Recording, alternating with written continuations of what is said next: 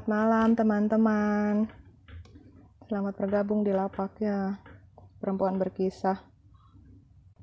Tadi itu kayaknya ada gangguan entah kenapa karena kita udah live tapi ke Kak Tiara nggak bisa bergabung sama kita karena kita tidak muncul di uh, tempatnya Save Janda.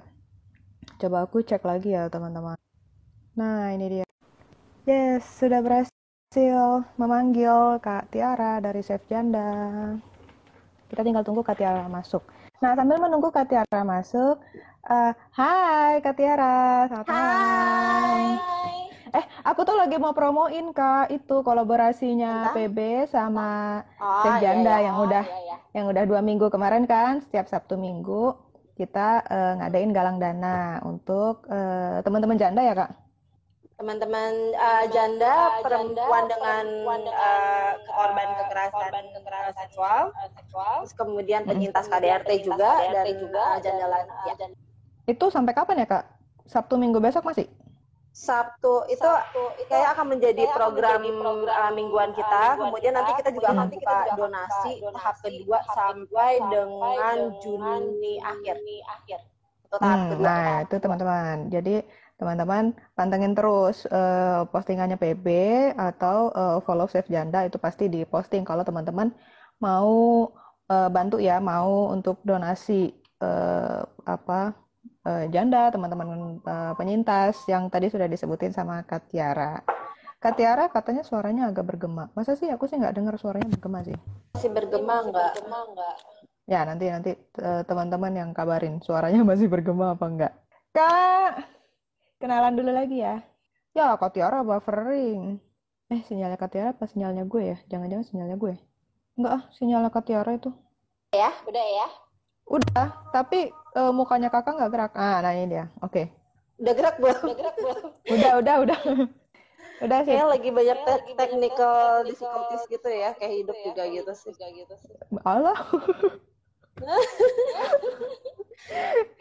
Kita Kak, ngomong-ngomongin kenalan dulu ya. janda nih. Iya nih, tapi kenalan dulu teman-teman. Sebenarnya kan Boleh, eh. Kak Tiara juga waktu itu kan udah pernah eh, Instagram live kan sama siapa ya waktu itu ya? Mbak Alimah ya? Apa siapa ya? Instagram live belum kali, belum sih. Belum kali, belum sih. Eh, belum ya? Eh, PB sama Belum Save banyak masih banyak. Eh, itu sama Mbak Mary sama Mbak Mirna. Atau Mary sama Oh Mary iya, ya? oh iya iya iya, sama iya sama Kamirna juga. Oke, jadi sekarang eh, Kak Tiara kenalan dulu ya, sama sekalian kenalin Chef Janda juga. Ini ini dari eh, emaknya teman-teman, dari bundanya Chef Janda. Eh, beliau adalah founder Chef Janda. Silakan Kak, perkenalkan diri dan perkenalkan Chef Janda. Oke. Eh, pokoknya nama saya Mutiara, jadi saya eh, adalah salah satu founder dari Save Janda. Statusnya sekarang adalah seorang mantan janda. Hmm, Chef Yang Janda itu sebenarnya komunitas apa Kak? Ah, Save Janda itu adalah suatu eh, sebenarnya itu dimulai dari gerakan eh, untuk meminimalisir stigma negatif janda di masyarakat ya.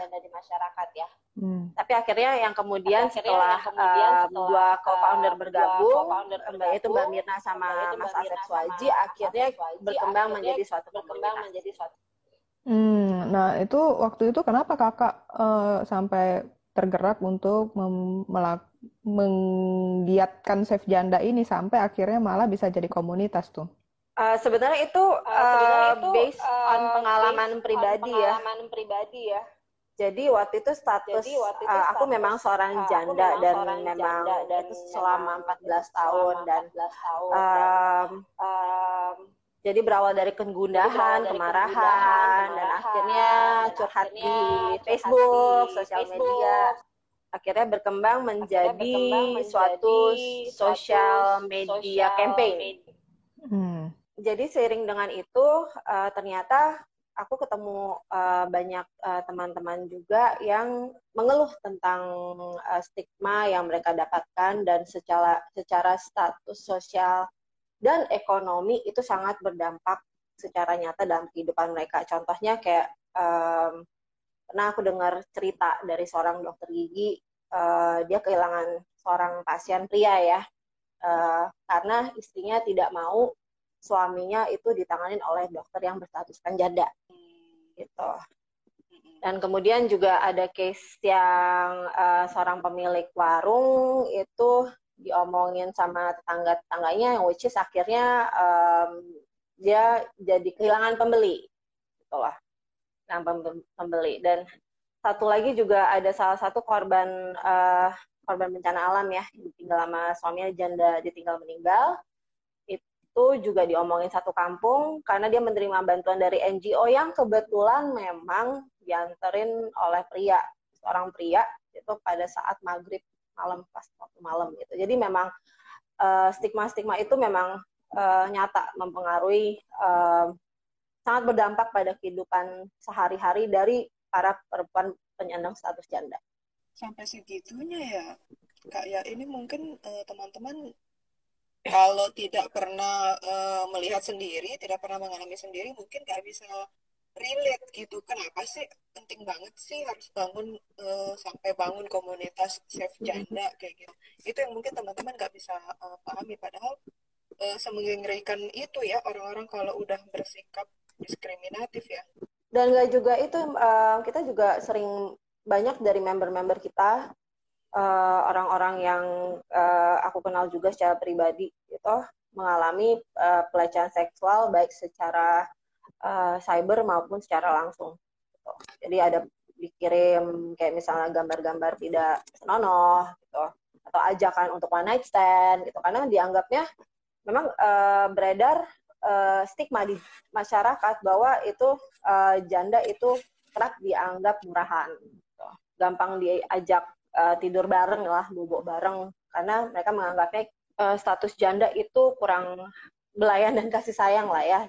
Nah, uh, dari Kak Tiara sendiri, apakah ada pengalaman yang sama atau enggak? Pengalaman sama ya, itu uh, sebenarnya puncaknya, puncaknya kenapa akhirnya aku memutuskan untuk membuat uh, gerakan ini, gitu loh. Big pointnya adalah pada saat ngurus uh, dokumen pemerintah ya di kelurahan gitu kan jadi tadinya uh, lagi ngobrol-ngobrol sama pasang suami istri baik-baik aja gitu. Sampai akhirnya pengurusnya itu pengurus kelurahan itu bilang lihat oh jadi mbak janda cerai gitu. Iya. Eh sorry jadi mbak cerai hidup. Iya.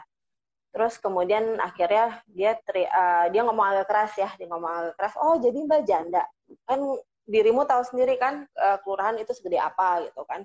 Sampai akhirnya yang tadi aku ngobrol baik-baik sama ibu-ibu tadi spontan aku lihat ke belakang gitu kan ibu-ibunya tuh udah kayak ngekepin suaminya buat kayak kayak kayak dikip gitu takut direbut gitu loh dan itu salah itu salah satu uh, turning pointnya kenapa uh, aku akhirnya memutuskan oh ini I need to speak up sih gitu. Hmm, Oke. Okay. Uh, waktu itu kakak sudah jadi janda berapa lama ya kak? Pada saat itu. Waduh. Itu ntar aku ngitung dulu. Soalnya udah soalnya waktu itu lama banget jadi janda 14 tahun jadi mesti dikurangin. Hmm. uh, sekitar tahun 2015 2016 ya. Jadi sekitar 9 tahun ya.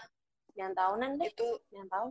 uh, 2015 2016 itu berarti terbangunnya mulai terbangunnya Janda ya? Mulai mulai terbangun Nah, sekarang kan kakak statusnya sudah uh, mantan janda nih, ya kan? Hmm. Udah berapa tahun menikah, Kak? Aku sudah menikah selama 2000, 2018, masih tahun kedua ya? Setahun kedua. 2018. 2018 ya. Oh iya, berarti itu setelah kakak menjanda berapa tahun ya? 14 14 tahun ya, antara 14 15 tahun, 14 sampai 15 tahun. Nah, waktu itu gimana tuh kayak mulai dari uh, kakak kan waktu itu menjadi janda kan uh, cerai hidup itu kan karena uh, KDRT ya? Ya, karena hmm. KDRT. Nah, setelah itu kan kakak uh, menjanda selama 14 tahun itu kan kakak berjuang sendiri tuh apa berusaha sendiri terus uh, kakak juga bekerja menghidupi dua orang anak perempuan itu selama 14 tahun. Lalu gimana ceritanya kakak sampai akhirnya uh, berani untuk mulai uh, berkenalan lagi sama uh, lawan jenis terus mulai menjalin hubungan relasi romantis lagi. Itu gimana tuh kak? Eh kak Tiara mau, dengerin cerita yang hebat itu mesti kayak gitu mesti ada mesti ada Kenapa? ininya nih. Apa nih sinyal iya. Agak-agak ini. Enggak. jadi gimana? Sorry aku sorry nih ngulang-ngulang terus nih jadinya. Gak apa aku bilangin ke teman-teman kalau mau dengerin cerita yang seru nih mesti kayak gini nih. Iya kan? Diulur ulur sabar ya. gitu. Iya. Gantung-gantung dulu yeah. gitu kan? Nah iklan dulu ya kan nah uh, tadi tuh aku nanya sama Kak Tiara. Dari Kak Tiara uh, dengan pengalaman uh, pernikahan yang sebelumnya dengan KDRT lalu kakak uh, 14 tahun menjanda kakak berusaha sendiri mandiri bekerja dan uh, apa uh, menjaga dua orang anak perempuan uh, itu gimana kakak ceritanya? Akhirnya kakak berani untuk mulai membuka diri lagi untuk berkenalan lagi dengan lawan jenis terus menjalin relasi romantis lagi uh, dengan lawan jenis gitu itu uh, gimana perjalanannya uh, kakak sampai uh, bisa akhirnya sekarang memutuskan iya aku mau, aku tidak trauma, aku siap menikah lagi. Gitu. Sebenarnya dalam kurun waktu 14 tahun itu bukan berarti aku tidak sama sekali tidak dekat sama orang ya, dalam kurun 14 tahun gitu. Jadi uh, teman dekat adalah, cuman mungkin uh, kesamaan visi dan misi dalam uh, hidup itu nggak sama, plus ada beberapa yang memang juga uh, keluarganya terutama keluarganya itu mempertanyakan status kejandaan aku which is uh, itu sebenarnya banyak banget di alamin juga teman-teman sesama janda ya gitu kan dapat rejection dari other part of the family gitu kan nah sampai akhirnya um, bisa dengan yang sekarang ini gitu kan. Uh, suamiku yang sekarang ini adalah juga uh, salah satu barometernya adalah ada penerimaan dari anak-anak tuh penerimaan dari anak-anak dan kesamaan visi dan misi hidup gitu. Kalau mau diceritain sih awalnya ketemuan itu ketemuan kembali kebetulan pas uh, kita nggak pernah kenal sebelumnya karena sebenarnya dia kakak kelas aku ya kakak kelas aku. Jadi kita ketemu di satu forum gitu dan nggak tahu kenapa kayaknya uh, di message berkali-kali cuman aku cuek atau aku acuhin akhirnya kok ada message dari ya uh, ini orang this person is interesting ya gitu kan. Maksudnya ya udahlah gitu. Akhirnya lanjut dari japri-japrian gitu kan. Terus uh, akhirnya ketemuan gitu. Nggak langsung ketemuan habis japri nggak langsung ketemuan it, it takes time gitu kan akhirnya ketemuan uh, kopi darat lah ya gitu nah ternyata uh, beliau itu sedang menyusun uh, tesis yang kebetulan temanya itu uh, sama dengan yang pernah aku alamin yaitu tentang kasus KDRT kan. Jadi uh, sebenarnya yang menjadikan kita lebih dekat lagi lebih serius adalah kesamaan uh, kesamaan passion kita dalam bidang kemanusiaan. Gitu. Plus juga uh, dari anak-anak tidak ada masalah, dari keluarga juga tidak ada masalah gitu. Dan sebenarnya tidak ada hambatan berarti sih gitu. Uh, tapi kalau dari kakak sendiri ada nggak rasa ketakutan trauma lagi? Ini bakal sama nggak ya dengan yang sebelumnya gitu? Oh ada ada pasti ada jadi kayak ketakutan uh, apakah um, dia akan memperlakukan aku sama seperti mantan suami memperlakukan aku gitu kan terus uh, apakah juga nanti anak anak-anak aku akan menerima gitu kan? Menerima dan uh, bahagia gitu kan? Gitu kan? Uh, bahagia dengan uh, bapak sambung yang baru gitu kan? Calon bapak sambung yang baru gitu kan? Itu ada. Itu. Nah, waktu itu kakak gimana cara kakak mengatasi dan menghadapi ketakutan itu?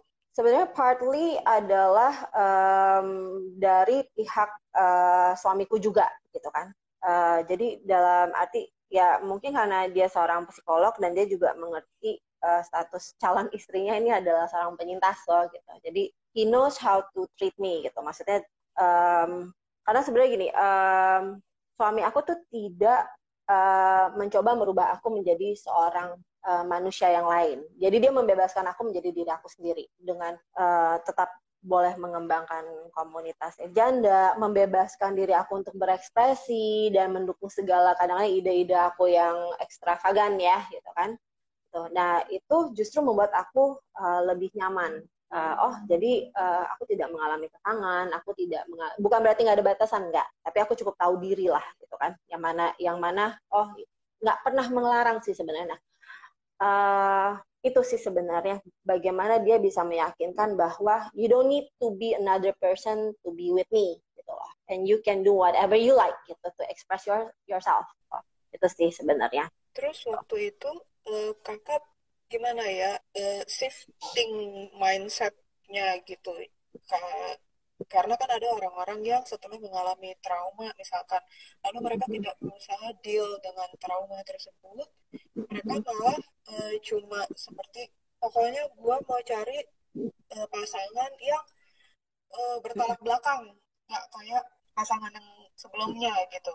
Uh, yang sebenarnya kan itu uh, ya tidak tepat juga ya bukan berarti kalau misalkan benar-benar bertolak belakang dengan yang lalu terus tidak akan ada masalah juga kan. Nah waktu itu eh, kakak gimana? Pelajaran apa yang kakak ambil dari eh, hubungan yang lalu dengan karakter eh, pasangan yang seperti itu dengan eh, cara kakak mencari pasangan yang sekarang itu pasangan yang berikutnya itu gimana? Sebenarnya uh, pada saat uh, baru menjanda ya, baru menjanda itu uh, mencari pasangan uh, itu bukan merupakan prioritas awal.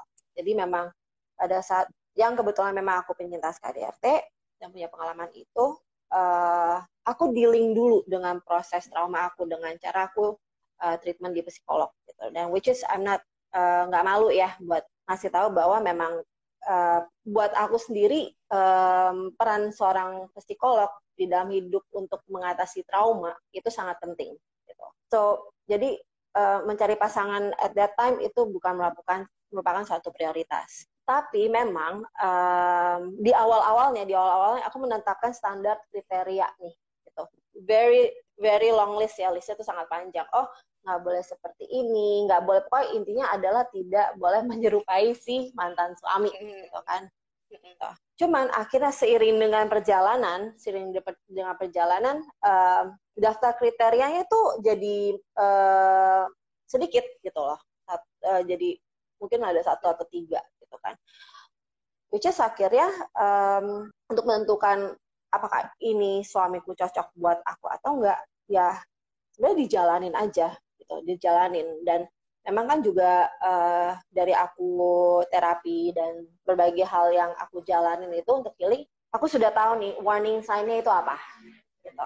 Supaya hal yang sebelumnya tidak terjadi lagi, gitu. Jadi warning sign dalam oh ini udah mengarah tendensinya ke KDRT kah atau apa toxic relationship itu aku sudah cukup ada bekal untuk itu. Hmm. Nah, ini kan uh, teman-teman banyak juga nih yang sering kali itu uh, tidak ya enggan atau merasa tidak bisa keluar dari hubungan yang sangat toksik atau bahkan sudah penuh dengan kekerasan itu karena mereka berpikir bahwa kayak gue nggak bisa nih kalau hidup sendirian. Gue nggak akan mampu gue nggak punya kerjaan gue nggak punya skill nanti anak-anak mesti gimana gitu. Jadi misalkan pun jadi kebanyakan mereka tidak mau keluar dari hubungan yang uh, mengerikan itu gitu. Atau mm mereka berhasil keluar mereka akan uh, kayak segera berusaha untuk cari pegangan baru gitu. Itu menurut kakak gimana? Sebenarnya itu kenapa sampai sampai uh, ya gue uh, gue nggak bisa sama orang ini lagi dan gue bisa berjuang sendiri. Apa yang menguatkan kakak? Ya gue bisa. Ya, yang mana? Yang pernikahan pertama? Uh, keputusan kakak untuk saya lebih baik pisah aja dan saya akan uh, berjuang sendiri dan tidak menjadikan mencari pasangan itu sebagai prioritas gitu. Oh, yang uh, ini yang kenapa akhirnya aku berani memutuskan untuk meninggalkan pernikahan yang toksik itu kan? Okay. Itu karena sudah uh, mengancam uh, secara fisik ya. Jadi it's it's all about hidup dan mati gitu. Sampai akhir akhirnya aku harus memutuskan bahwa this uh, ini perlu diakhirin gitu. Jadi udah nggak mikir panjang lagi sih. Jadi nggak mikir oh besok secara uh, financial hmm. itu seperti apa ya karena udah menyangkut hidup dan mati at that time gitu. Jadi bayangin aja pas uh, hamil 8 bulan itu ditendang mau ya udah susun strategi gimana caranya. Untungnya untungnya aku punya safety net yaitu keluarga aku yang membantu aku buat nge-redesign hidup aku kembali seperti awal lagi. Jadi waktu itu sebenarnya gak kepikiran apa-apa kak. Pokoknya gue pengen hidup aja gitu ya Iya, gue pengen hidup, gue pengen hidup, gue pengen anak gue hidup, terutama anak gue ya, gitu kan, gue pengen anak gue hmm. hidup dan uh, untuk saat itu uh, tidak ada kepikiran, oh, uh, gue mesti cari pasangan yang lain dulu supaya gue bisa menyelamatkan diri gue dan anak gue, enggak, enggak seperti itu.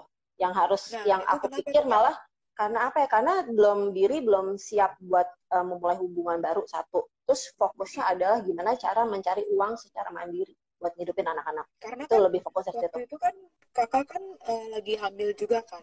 Jadi terus baru memutuskan pisah kan. Waktu itu kakak ada kepikiran apa enggak? Lah di anak nanti lahir gak ada bapaknya dong. Berarti gue harus cepet-cepet cari bapak gitu. Gimana Kak Tiara waktu itu? Hmm, nggak ada kepikiran punya bapak baru dulu sih ngasih bapak baru nggak ada. Dan uh, juga nggak kepikiran, oh sama sekali nggak kepikiran bahwa uh, kasihan nanti nih anak nggak ada bapaknya pas lahir. Justru yang aku lebih pikirin adalah bagaimana supaya anak aku bisa hidup bisa lahir. Karena at that time memang uh, pas waktu itu lagi hamil 8 bulan kan ya. Gitu. Nah deh, gue mesti lamatin anak gue dulu. Gitu. Ya ada yang komen nih, uh, benar karena gue nggak bisa hidup sendirian. Nanti kalau tua gue sama siapa? Ketakutan gue yang terbesar adalah gue nanti sama siapa siapa yang mau sama gue yang bekas ini. Aduh astaga bekas yang kota-kotanya kayaknya. Aku juga sedih. Kenapa? Yang mana yang bekas? Uh, iya ini deh komen dari uh, penonton. Oh Anggia. Gimana? Anggia kamu kam, Anggia kamu janda ya? Ya sih ya dari statementnya kayaknya iya ya sebenarnya kita nggak perlu takut lagi maksudnya dalam arti um, kembali lagi ke diri sendiri ya. Uh, kalau aku boleh ngasih masukan ya dok ya. Kembali ke diri sendiri itu um, kalau prinsip aku at that time adalah bagaimana cara kita mencintai diri kita sendiri dulu. Bagaimana kita uh, try to focus on our life first dan pasangan sih itu bonus ya sebenarnya. Itu itu, itu akan hmm. Itu sebenarnya akan uh, mengiringi sejalan dengan waktu kalau misalnya memang jodohnya gitu. Dan memang niat pengen punya pasangan lagi gitu but um, ya sebenarnya bagaimana cara membuat diri sendiri merasa uh, lebih berharga dan self care kembali lagi fokus sama uh, masa depan kita sih gitu. Ya semangat buat uh, Kak Anggi dan semua uh, janda yang sedang uh, menonton kita atau nanti akan menonton kita di IGTV mulai dengan mencintai diri kita sendiri. Jangan lagi tuh pakai istilah bahwa kita ini bekas kita ini uh, apa ya dengan kata-kata yang mengerikan gitu. Jangan mulai dengan uh, menggunakan kata-kata positif gitu. Ke diri kita supaya kepercayaan diri kita juga naik juga kan kak? Oke kak aku uh, tanya lagi nih. Uh, boleh. itu tuh uh, aku tertarik banget nih sama keluarganya Kak Tiara. Karena kan kakak bilang uh, keluarga itu kan support sistemnya kakak kan. Mm mengalami kesusahan uh, saat kakak uh, bercerai itu itu keluarga yang uh, menolong kan. Nah saat, uh, saat kakak mau memulai hubungan baru lagi respon keluarga gimana? Hmm, hubungan baru yang ini ya? Uh, tapi kan kakak sebelum uh, dengan Kak Maria sekarang kan sebelum sebelumnya juga ada uh, menjalin hubungan dengan ada beberapa uh, hubungan agak kan, serius sih. Uh -uh. nah itu dari keluarga uh, gimana? Kan kadang kan keluarga jadi makin khawatir gitu kan. Ada nggak yang bilang udahlah Tiara janganlah lagi kayak gitu uh, kenalan sama cowok-cowok yang ganti-ganti apa gitu. Ada nggak yang dari keluarga seperti itu? Atau dari anak-anak Uh, kalau anak-anak amazingly mungkin karena mereka anak-anak dan punya uh, intuisi cukup tinggi ya gitu. jadi beberapa mereka juga menilai bahwa oh kayak nggak cocok deh mah gitu. Kayak nggak kayak nggak deh gitu gitu. Uh, dan dari keluarga juga um, karena mungkin uh, bukan mungkin ya uh, kebanyakan orang bisa melihat uh, kita dibanding diri kita sendiri gitu kalau misalnya orang lagi jatuh cinta atau apa kan kadang-kadang kita bisa nggak bisa ngeliat clear kan orang lain bisa membantu keluarga kita bisa membantu oh melihat uh, calon apa pacar kita atau orang dekat kita ini orangnya nggak benar gitu kan gitu. nah itu salah satu juga um, uh, salah satu juga memang yang uh, ngebantu aku banget sih dalam memilih uh, pasangan hidup gitu. nah sayangnya sayangnya nih ya sayangnya uh, banyak uh, para janda di luar itu tidak memiliki safety net seperti itu. Malah um, pada saat mereka menjadi janda itu mereka uh, kayak diburu-burin buat nikah kembali karena takutnya menjadi aib gitu kan.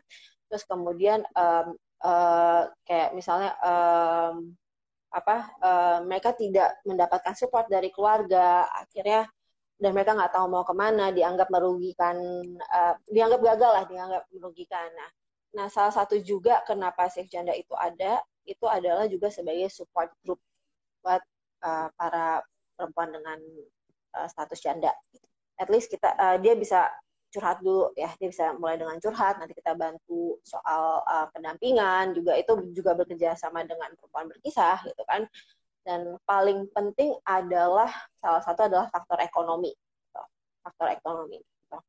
Aku cukup beruntung punya uh, jaring pengaman keluarga gitu kan tapi nggak setiap perempuan uh, bercerai atau di uh, suaminya meninggal itu mempunyai uh, keberuntungan seperti aku Nah, mungkin untuk teman-teman yang tidak uh, seprivilege itu, yang tidak mempunyai support uh, sistem dari keluarga atau dari orang terdekat, mungkin bisa hubungin Chef Janda ya? Bisa. Uh, kakak kan waktu selama jadi janda 14 tahun ini kak, mm -mm. mungkin sehari-hari kali ya makanan sehari-hari kena stigma, kena omongan, kena sikap-sikap nggak enak, diskriminatif, itu udah makanan sehari-hari nih setelah kakak menikah masih nggak sih terselamatkan nggak sih dengan hmm? pernikahan itu? Apakah jadi terhempas semuanya setelah kakak menikah lagi gitu? Oh jadi udah nggak ada misery lagi ya, nggak ada penderitaan sebagai janda. Hmm. Mungkin secara secara frontal nggak terlalu ya, nggak terlalu banding bandingin uh, stigma jan yang masih berstatuskan janda itu kan sangat kuat sekali ya tapi itu tetap ada bukannya nggak ada contoh nih contoh uh, aku pernah di apa namanya uh, ini pengalaman pribadi ya ada yang uh, nanya oh jadi lo udah nikah lagi nih gitu. Sama dapat suami psikolog gitu. Gila lo beruntung banget ya. Uh, beruntung kenapa ya? Maksudnya well memang sih kayak misalnya psikolog dokter pengacara itu kan uh, notabene itu status yang profesi yang terhormat ya di masyarakat ya gitu kan. Tapi kenapa gue yang beruntung gitu? Maksudnya gue uh, agak sebenarnya masih agak bingung gitu. Jadi kayak I'm so lucky as a janda. Kan lo janda gitu lo bisa dapet suami hmm, lo beruntung sekali yeah. gitu nah terus uh, abis itu uh, kayak misalnya um, seakan-akan tuh ada, kayak ih beruntung ya lu ada uh, orang yang mau nikahin uh, lu yang kan nikahin lo nikah, gitu, gitu kan karena lo janda gitu kan gitu.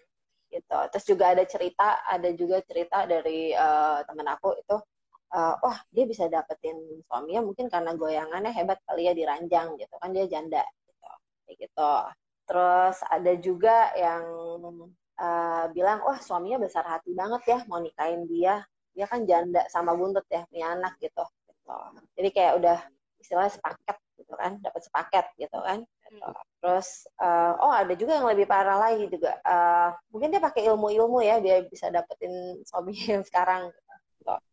Aduh, mulut orang ya mulut netizen ya ya ampun uh, berarti sebenarnya uh, ya nggak ada antara ada nggak ada hubungannya ya kayak buktinya setelah kakak uh, sudah menjadi mantan janda pun tetap aja gitu jadi bahan omongan gitu kan. Jadi kan tetap tetap jadi bahan omongan. ya orang berarti kan ya ada aja gitu bahannya buat buat ngomongin gitu kan. Hmm. Hmm, okay. sebenarnya juga juga aku mikir hmm. wah gue udah nikah lagi nih ya jadi berarti gue nggak mendapatkan stigma stigma lagi ya. Eh nggak juga ternyata nggak juga gitu loh. Jadi ya like iya, makanya sampai sampai aku bikin uh, ini once a jana will always be janda. Sampai lo mati juga lo akan men menyandang status itu gitu. Itu akan tetap melekat sampai seumur hidup gitu lah. Karena orang akan tetap memandang bahwa you've been used gitu lah. Hmm, itu dia tadi. Uh, apa ya mindset dan uh, pikiran ya uh, stigma lah ya. Ya itu tadi salah satu uh, teman kita tadi bilang bekas gitu.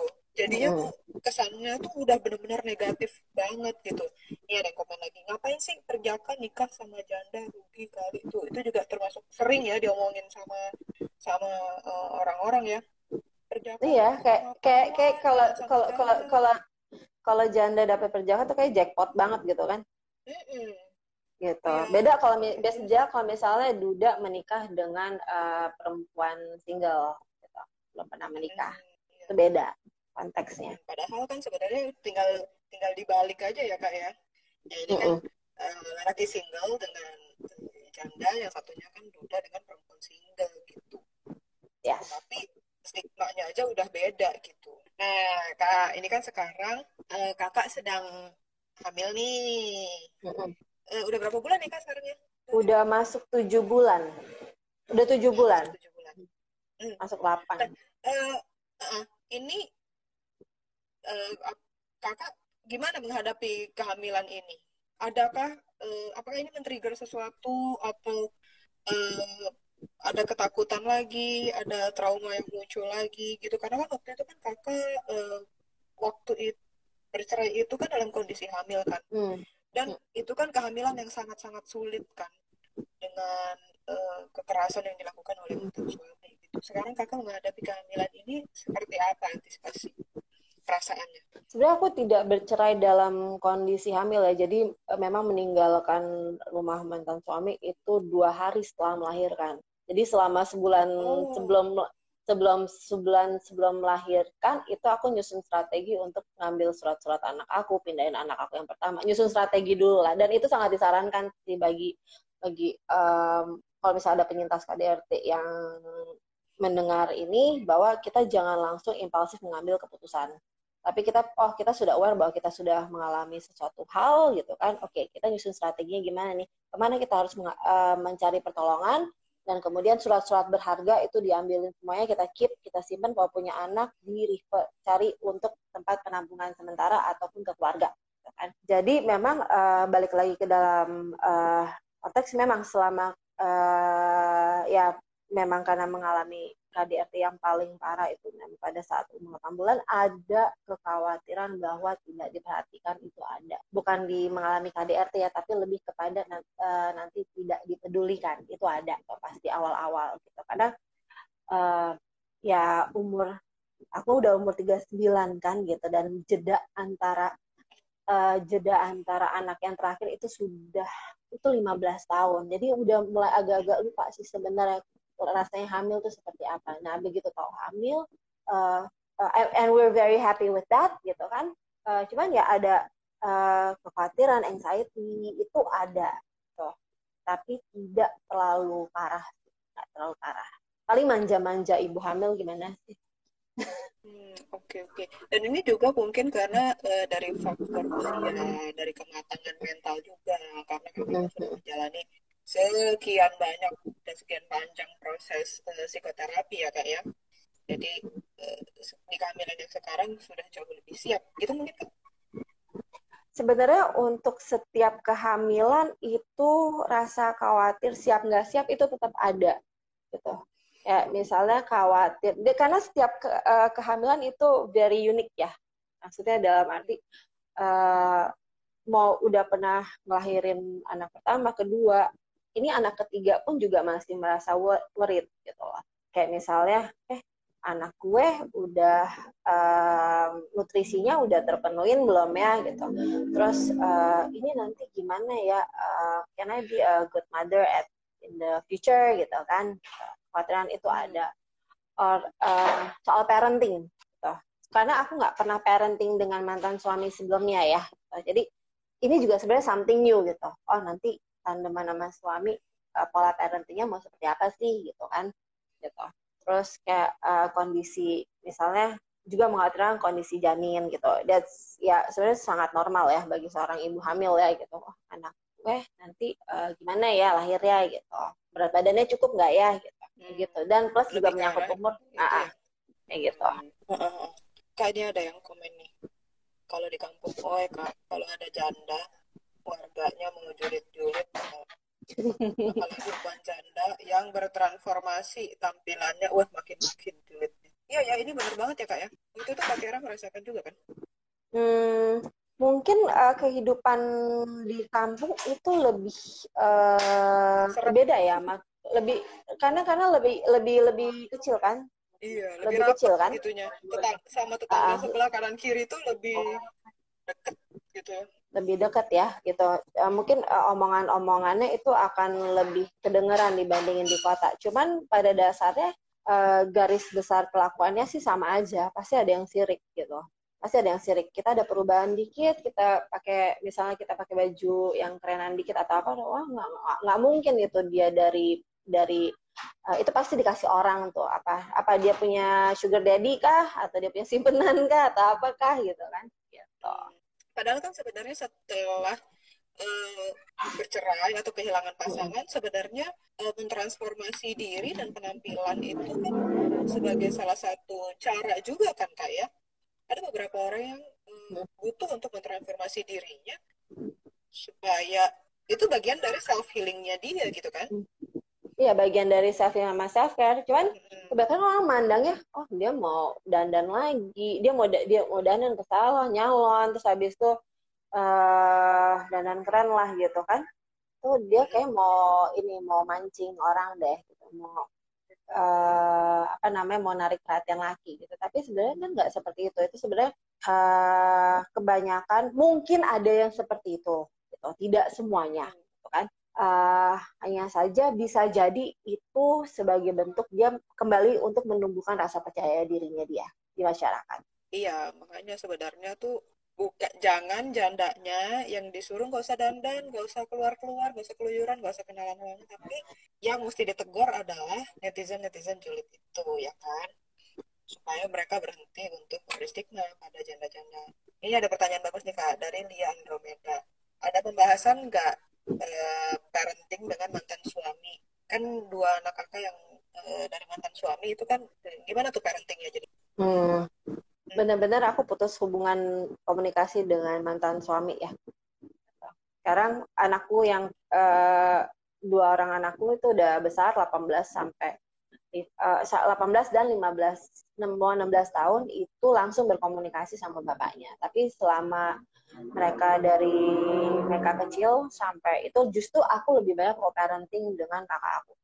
Gitu. Jadi peran bapak bapaknya mereka di dalam kehidupan mereka sih tidak terlalu ini ya tidak terlalu apa namanya tidak selama masa kecil yang mereka tidak terlalu mempunyai andil besar. Kan mereka waktu itu masih sangat kecil ya. Uh, adakah bahkan yang bahkan yang paling kecil kan waktu itu bahkan uh, udah sempat kenal belum sih kak sama uh, ayahnya? Hmm, kalau boleh dibilang sih uh, diberikan kesempatan, aku nggak pernah ngelarang mereka untuk ketemu bapaknya. Cuman hmm. at that time uh, kan bapaknya menikah kembali ya kan hmm. itu tidak digunakan waktunya dengan sebaik-baiknya oleh bapaknya untuk lebih mengenal anak-anaknya dan juga well uh, aku juga nggak pernah maksa sih oh, nggak pernah maksa oh juga uh, kita bisa ngurus sendiri kok gitu. jadi waktu itu dia ada seperti tanya nggak ada kebingungan nggak dia dengan uh, kakak yang single mother itu kok ayah nggak ada gitu hmm, Oh ya, uh, pernah ada beberapa pertanyaan sih kenapa ya pada saat mereka sudah menjelang remaja, kenapa bercerai dan segala macam. Cuman itu tidak menjadi pembahasan yang lebih dalam lagi. Gitu. Oh. Karena mereka sudah terbiasa dari kecil ya, nggak ada bapak yang mereka. Kecuali mereka melihat nah. sendiri pada saat mereka sudah aware, mereka sudah remaja, mereka tahu perpisahan terjadi di dalam uh, keluarga gitu, mungkin mereka akan protes atau um, apa namanya uh, mengambil sikap ya.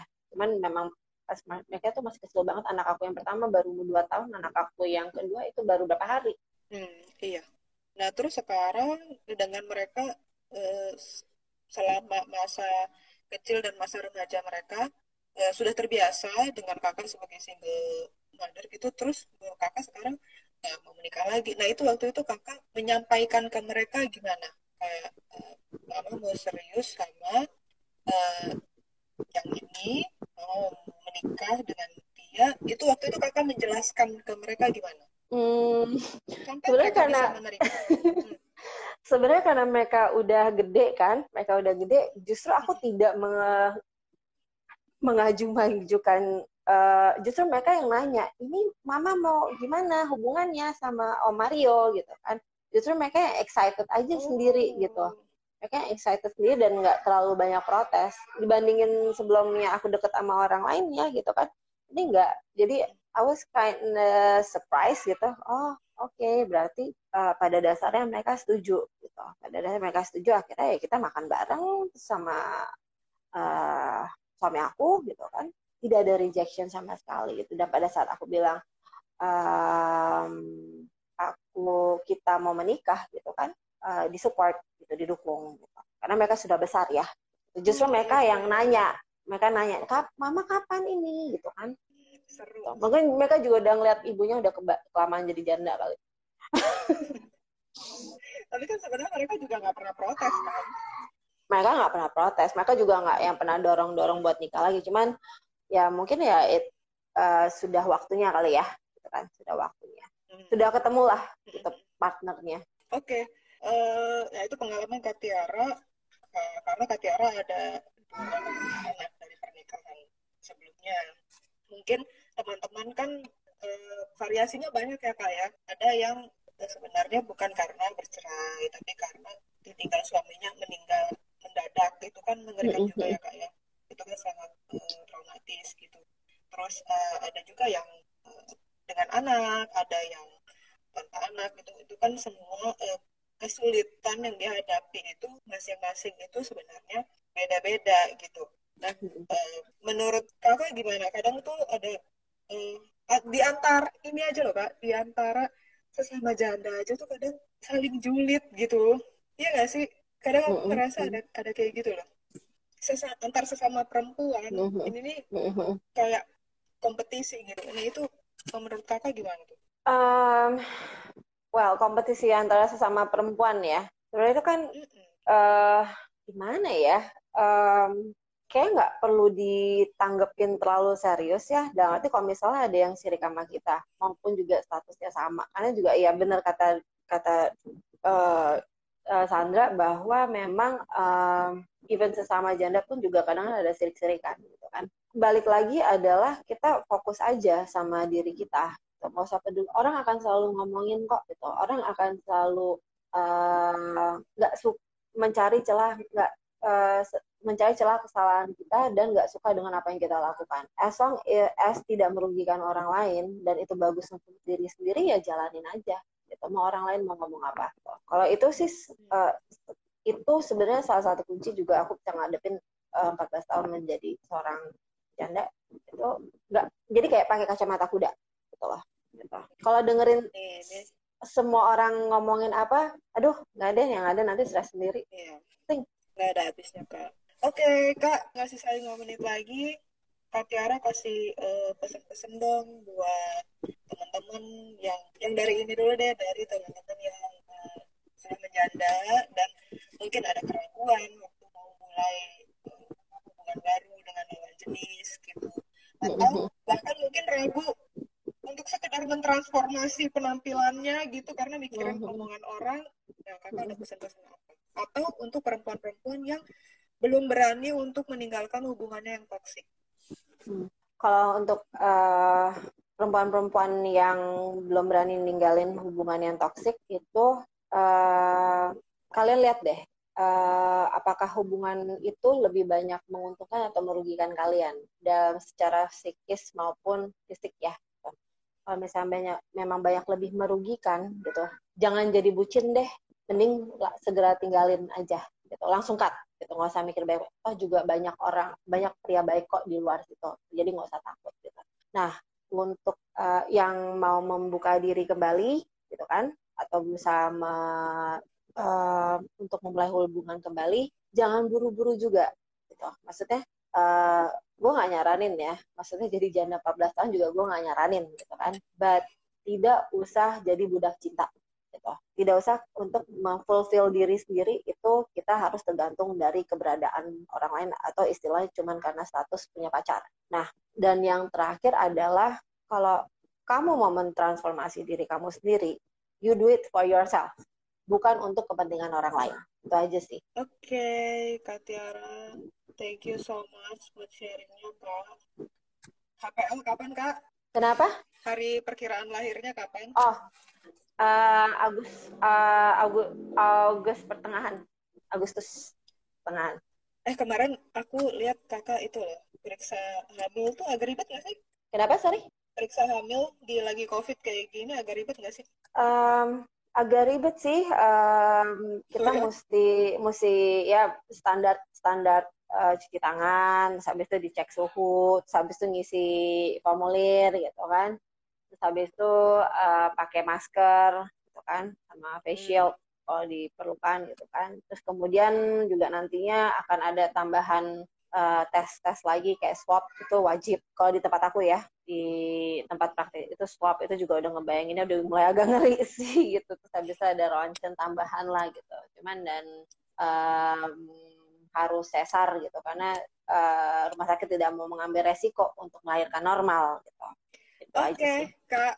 Sehat-sehat ya sampai lahiran nanti. Semoga aman. Thank you, Dok. Semua mama sama babinya semua uh, sehat, lancar, semuanya dilindungi pokoknya. Thank you banget sharingnya kak. Uh, aku yakin banyak banget eh, teman-teman yang terbantu dengan uh, sharingnya kakak ini. Semoga mereka terinspirasi ya.